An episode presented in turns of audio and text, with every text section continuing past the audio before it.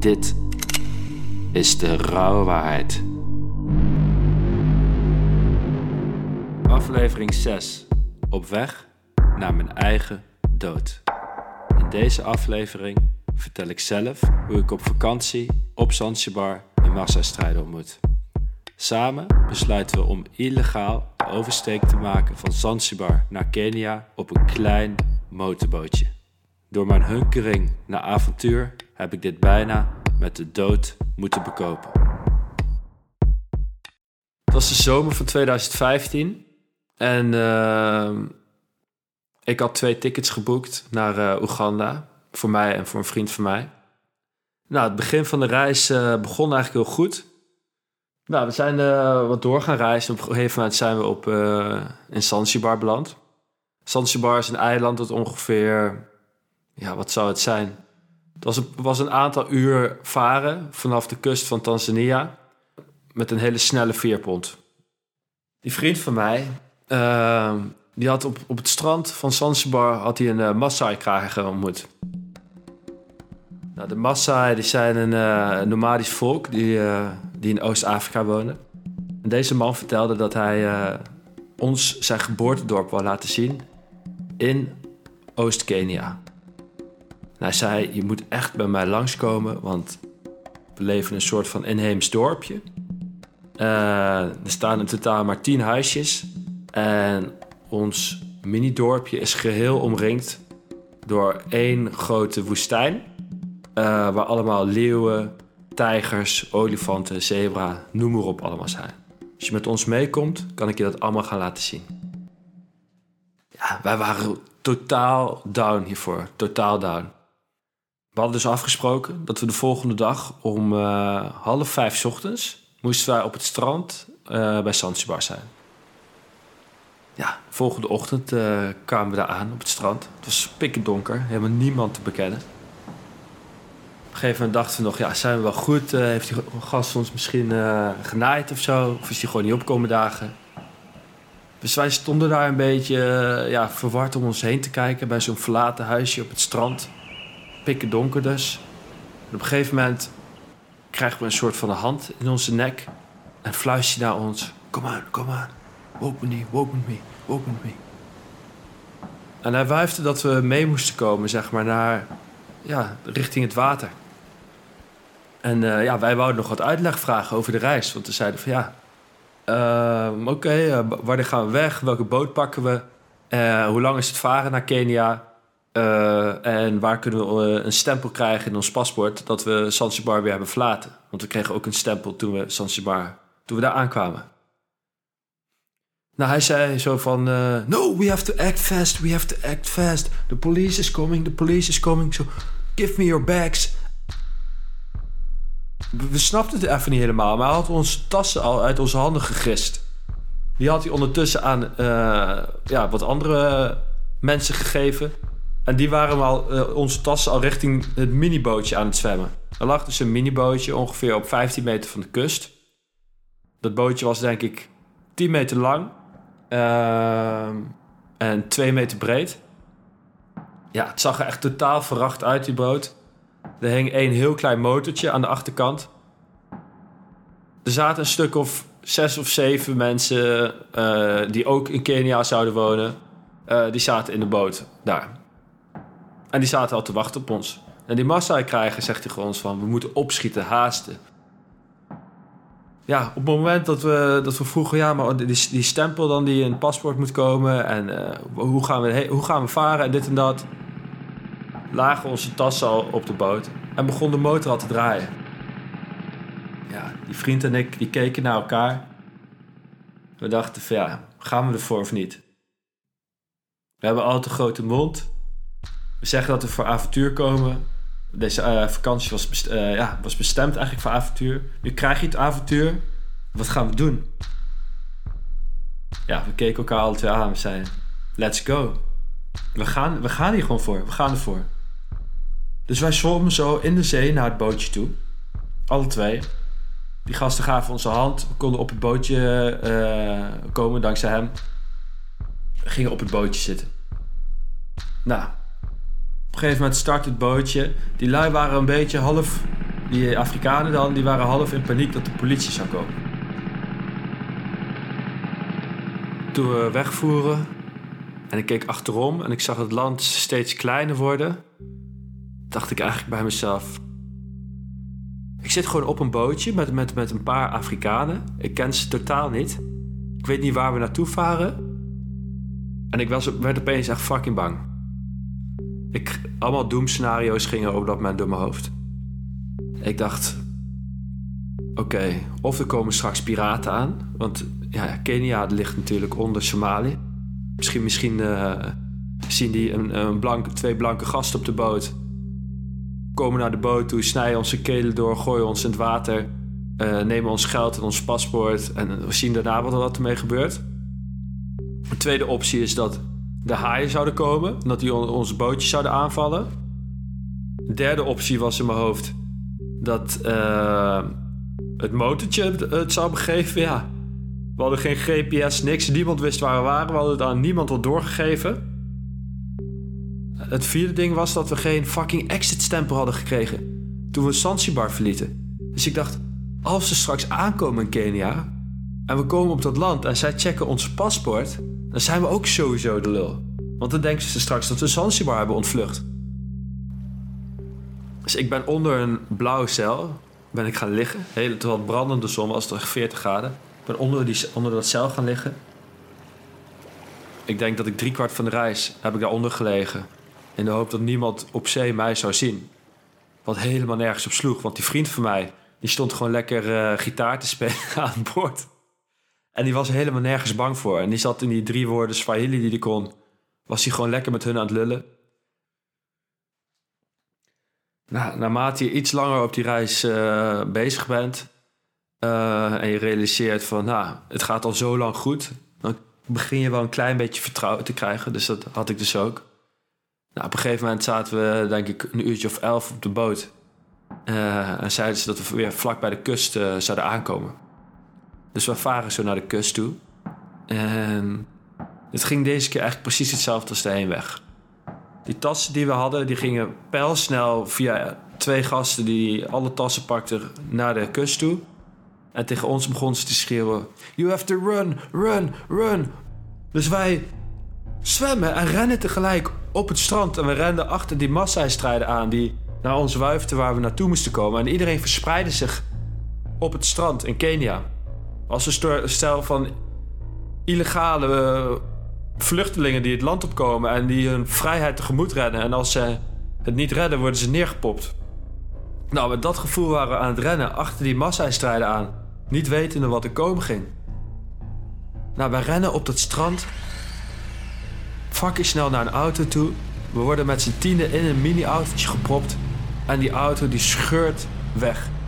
Op dat, bij dat kleine dorpje. Ik voelde me echt in het hol van de leeuw. Nou, die auto die reed verder weg en verder weg. En op een gegeven moment begonnen mensen een beetje te lachen. Werd de muziek aangezet. Ging de muziek harder aan gingen mensen een beetje dansen in de auto, waar, in hoeverre het al kon met iedereen die op elkaar opgepakt zat. Maar de sfeer die werd beter. En ik voelde me ook iets chiller worden. Die massa-strijders zei tegen ons: We komen straks aan bij een busstation. En dat is het laatste stukje wat we af moeten leggen naar mijn geboortedorp. We gaan in de bus. En het is ongeveer twee uur met de bus. En dan komen we aan bij ons dorpje. Ik en die vriend van mij hebben twee uh, bustickets gekocht. Uh, we konden kiezen welke stoel we wilden nemen. Dus wij zeiden van ja, we gaan lekker helemaal achter in de bus, gaan we lekker zitten. En uh, dan gaan we gewoon genieten van de reis, snap je? Het ergste is achter de rug. Veel lijps kan er nou niet meer gebeuren. We gaan gewoon denken aan het fucking mooie dorp waar we straks naartoe gaan. En het avontuur wat we gaan beleven. En dit is sowieso al een verhaal wat we kunnen delen met mensen. We zijn in die bus gaan zitten. Nou, omdat ik zo gespannen was die hele reis, had ik totaal niet kunnen slapen. Dus ik dacht van ja, ik doe nou eindelijk mijn ogen even dicht en ik ga eventjes proberen te slapen. Dus ik doe mijn ogen dicht en ga lekker een beetje zo tegen de zijkant van de bus aanleunen. En ja, op een gegeven moment uh, gingen we over een drempel heen. Dus ik schoot iets van 30 centimeter in de lucht. En kwam weer terug op mijn, op mijn kont. En ging weer verder slaan. Dat ging zo een paar keer achter elkaar. Ik dacht al, wat rijdt die gast hard? Eh, Kan het niet iets rustiger? Nou, op een gegeven moment vloog ik niet 30 centimeter omhoog, maar 50 centimeter omhoog. En viel ik weer terug op mijn zitvlak. Toen dacht ik al, dit klopt op de een of andere manier niet, snap je? Dus ik doe mijn ogen open. En ik kijk die bus in en wij zitten helemaal achteraan in de bus. En ik zie al die mensen uit, uit eh, Kenia, al die Afrikanen, kijken recht naar mij. En ze zijn aan het wijzen naar ons. Ze wijzen onze kant op. En zitten te, te praten in het Swahili, maar wij begrepen er helemaal niks van. Ja, ik denk van ja, het zal allemaal wel, maar. Ik kijk gewoon naar. Ik, ik draai me om en ik kijk door de achteruit van de bus. En terwijl ik door die achteruit van de bus kijk, zie ik drie politiewagens, drie van die grote trucks, achter ons aan rijden. Maar niet gewoon rijden, ze probeerden ons in te halen van links en vanuit rechts. Ik denk bij mezelf: nee, dit klopt niet. Dit kan niet, dit kan niet. Nou, ik met mijn domme kop. Ik doe mijn ogen weer dicht en ga verder proberen te slapen. Ik denk van ja, dit kan gewoon niet waar zijn. Dit, is te surrealistisch. Nou, ik probeer zo 10 seconden verder te slapen en ik denk van nee. Even serieus. Ik moet, ik moet gewoon erkennen dat het goed mis is. Dus ik kijk nog een keertje naar achter. En ik zie die politiewagens, die trucks. Dat er achter in die trucks, per truck, drie gasten zitten met geweren. Die op bus aan het richten zijn. En ze proberen de bus van links en van rechts in te halen. Ik was in pure paniek, in pure paniek. Ik dacht, hoe de fuck kan dit? Oké, oké, oké. Even, even tot rust komen, even tot rust komen. Ik, ik kijk weer naar achter.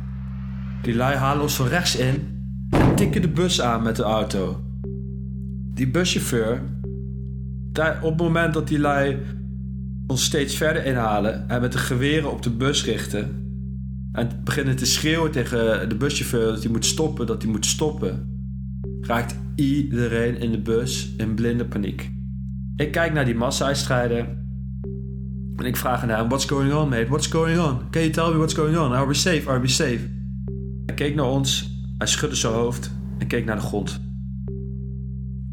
Op een gegeven moment begint die bus door te rijden. Ik weet niet hoe het mogelijk was, maar die, die bus die was gewoon sneller dan de politiewagens. Die reden de politiewagens eruit. Nou, er lag ergens een fucking grote steen eh, midden op de weg. Daar is die eh, bus overheen gereden. Baf! Klapband. Net alsof we beschoten werden. Hele velgen waren gelijk naar de kloten. Nou, die buschauffeur die boeide het helemaal niks. Die bleef doorrijden, die bleef doorrijden. Ondertussen ga je denken van... Wat de fuck kan ik nog doen? Wat kan ik doen, snap je? Ik denk dat we een minuutje of, eh of dertig in de achtervolging zaten. En in de verte zag ik dat er een wegversperring was gebouwd. Er stonden vier grote auto's horizontaal op de weg.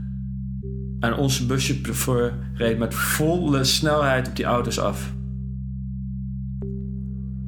Op de een of andere miraculeuze wijze, vlak voordat hij bij die wegversperring aankwam, had hij de snelheid wat geminderd. En de politieauto's ook. En hij wist zich op de een of andere manier langs te manoeuvreren door over het droge zand te rijden en weer terug de weg op en zijn tocht eh, te hervatten. Nou, op dat moment was hij weer volle snelheid weg aan het eh, gaan voor de politie. En het was een soort van kat- en muisspel wat er gespeeld werd. Maar één ding was me wel duidelijk. We zaten nu al iets van eh 40 minuten in de achtervolging. Hij had een klapband gehad. De politie heeft die bus proberen om te beuken. En hij is langs de wegversperring gegaan. Nou, voor dat kleine beetje logisch nadenken wat ik nog kon, wist ik gewoon 100% zeker dat deze man nooit vrijwillig zou gaan stoppen. Dat zou hij nooit doen. Ik zeg tegen die vriend van mij: Ik denk dat we. Ja. toch actie moeten ondernemen, man. Ik had mijn mobiel nog bij me. Dacht ik, zou ik mijn moeder opbellen of niet? Ja, als ik dat zou doen, dan zou ze sowieso een hartaanval krijgen. Ik heb haar niet gebeld. Maar ik heb wel... Helemaal achterin zat wel een deurtje. Een deurtje van de bus, een extra deur. Ik zei tegen die vriend van mij op het moment dat de politie een beetje afstand houdt en de bus gaat wat zachter, 40 km per uur, gaan we gewoon proberen uit de bus te springen, uit de rijdende bus. Waarschijnlijk breken we al onze botten, waarschijnlijk verbranden we onze huid. Maar ja, één ding is zeker: deze bus gaat nooit stoppen. Nou, ik hing uit de bus. Eén hand naar buiten, één hand naar binnen. En ik zeg tegen die vriend van mij: zullen we springen? Hij zegt tegen mij: Als je nu springt, ten eerste weet ik bijna zeker dat je doodgaat. En ten tweede, als je het al overleeft, houdt de politie je aan en denkt ze straks dat je medeplichtig bent. En je hebt ook nog eens geen exit-stempel van Zanzibar. Dus hoe denk je dat dat overkomt? Oh my fucking god. Op dat moment terwijl ik dat dacht, kwam er één gastje naar achter gelopen. Want die buskaping, uh, die was niet gedaan door één man, maar die was, er waren tien mensen bij betrokken. Die gast komt met een pistool op me afgelopen. Zet het pistool recht op mijn borst. Hij zegt, go away. Go away and sit. Fuck. Fuck. Ik ga zitten. Ik ga zitten en... Ik moet gewoon passief afwachten wat er gaat gebeuren. Die gast ging de deur bewaken. Een heel ander groepje mensen was de buschauffeur aan het bewaken. En die massa krijgen, die deed ook helemaal niks. Iedereen was passief aan het wachten op wat er komen zou gaan. Uiteindelijk in de verte stond er een bus geparkeerd over de hele breedte van de weg. Ik denk, ja, nu gaan we, nu moet er iets gebeuren. Hij moet nu wel stoppen, want het kan niet anders. De bus ging zachter en zachter. Ging van de weg af. Reed weer langs die bus en weer de weg op. Tweede keer, zelfde trucje uitgehaald. Dit gaat nooit eindigen. Dit gaat nooit eindigen. Heb daarna gewoon met wijd open ogen mezelf zo stevig als ik kon vastgeklompen aan een ijzige paal en gewacht tot het zou eindigen. Op de een of andere manier, ik weet niet hoe het mogelijk was, maar de politie die de hele tijd eerst probeerde ons van rechts en van links te raken en met een geweer op ons aan het richten waren en noem maar op, besloten op de een of andere manier om afstand te houden van ons. Ze hielden afstand. En het gat tussen ons en de politie werd steeds en steeds groter. En het werd steeds groter. Op een gegeven moment zat er denk ik wel 400 meter tussen. Dus die lui begonnen opeens fucking hard in het Swahili tegen ons te schreeuwen. No, go out bus. No, no, you have 30 seconds. Go out. No, no, no. Iedereen viel over elkaar heen, stompelde, kruipte naar de de zijkant van de bus, pakten ze zijn tas en ze hebben en houden en sprongen de bus uit. Wij flikkerden half de bus uit. Alle andere mensen die in de bus zaten flikkerden half de bus uit. En we lagen allemaal op onze rug op straat, daar zo te liggen. Te realiseren dat we de dood zijn ontsnapt. Die bus is verder doorgereden. Er zaten nog tien mensen in en we zagen de bus uit ons gezichtsveld verdwijnen. En achteraf hoorden we via het nieuws dat de bus helemaal vol zat met drugs en dat ze in het volgende dorpje zijn ingerekend door de politie en uiteindelijk allemaal in de gevangenis zijn beland. Als ik terugdenk aan het avontuur, um, dan hou ik er gemengde gevoelens aan over. Aan de ene kant ben ik iemand die altijd op zoek is naar avontuur. En ja, ik heb het gekregen in ieder geval. En ik heb een mooi verhaal om te vertellen. En aan de andere kant heeft het me nog jarenlang stress bezorgd. Elke keer als ik een bus stapte, als ik een politie zag, als ik mensen hoorde schreeuwen, dan dacht ik dat er iets ergens met me kon gebeuren. Als je me zou vragen, zou je het opnieuw doen, dit avontuur? Dan zou ik denk ik toch ja zeggen. Ja. Heb jij het lef en de gave om een soortgelijk verhaal met dit publiek te delen? Mail dan naar info.derouwewaarheid.com of stuur via Instagram een DM naar de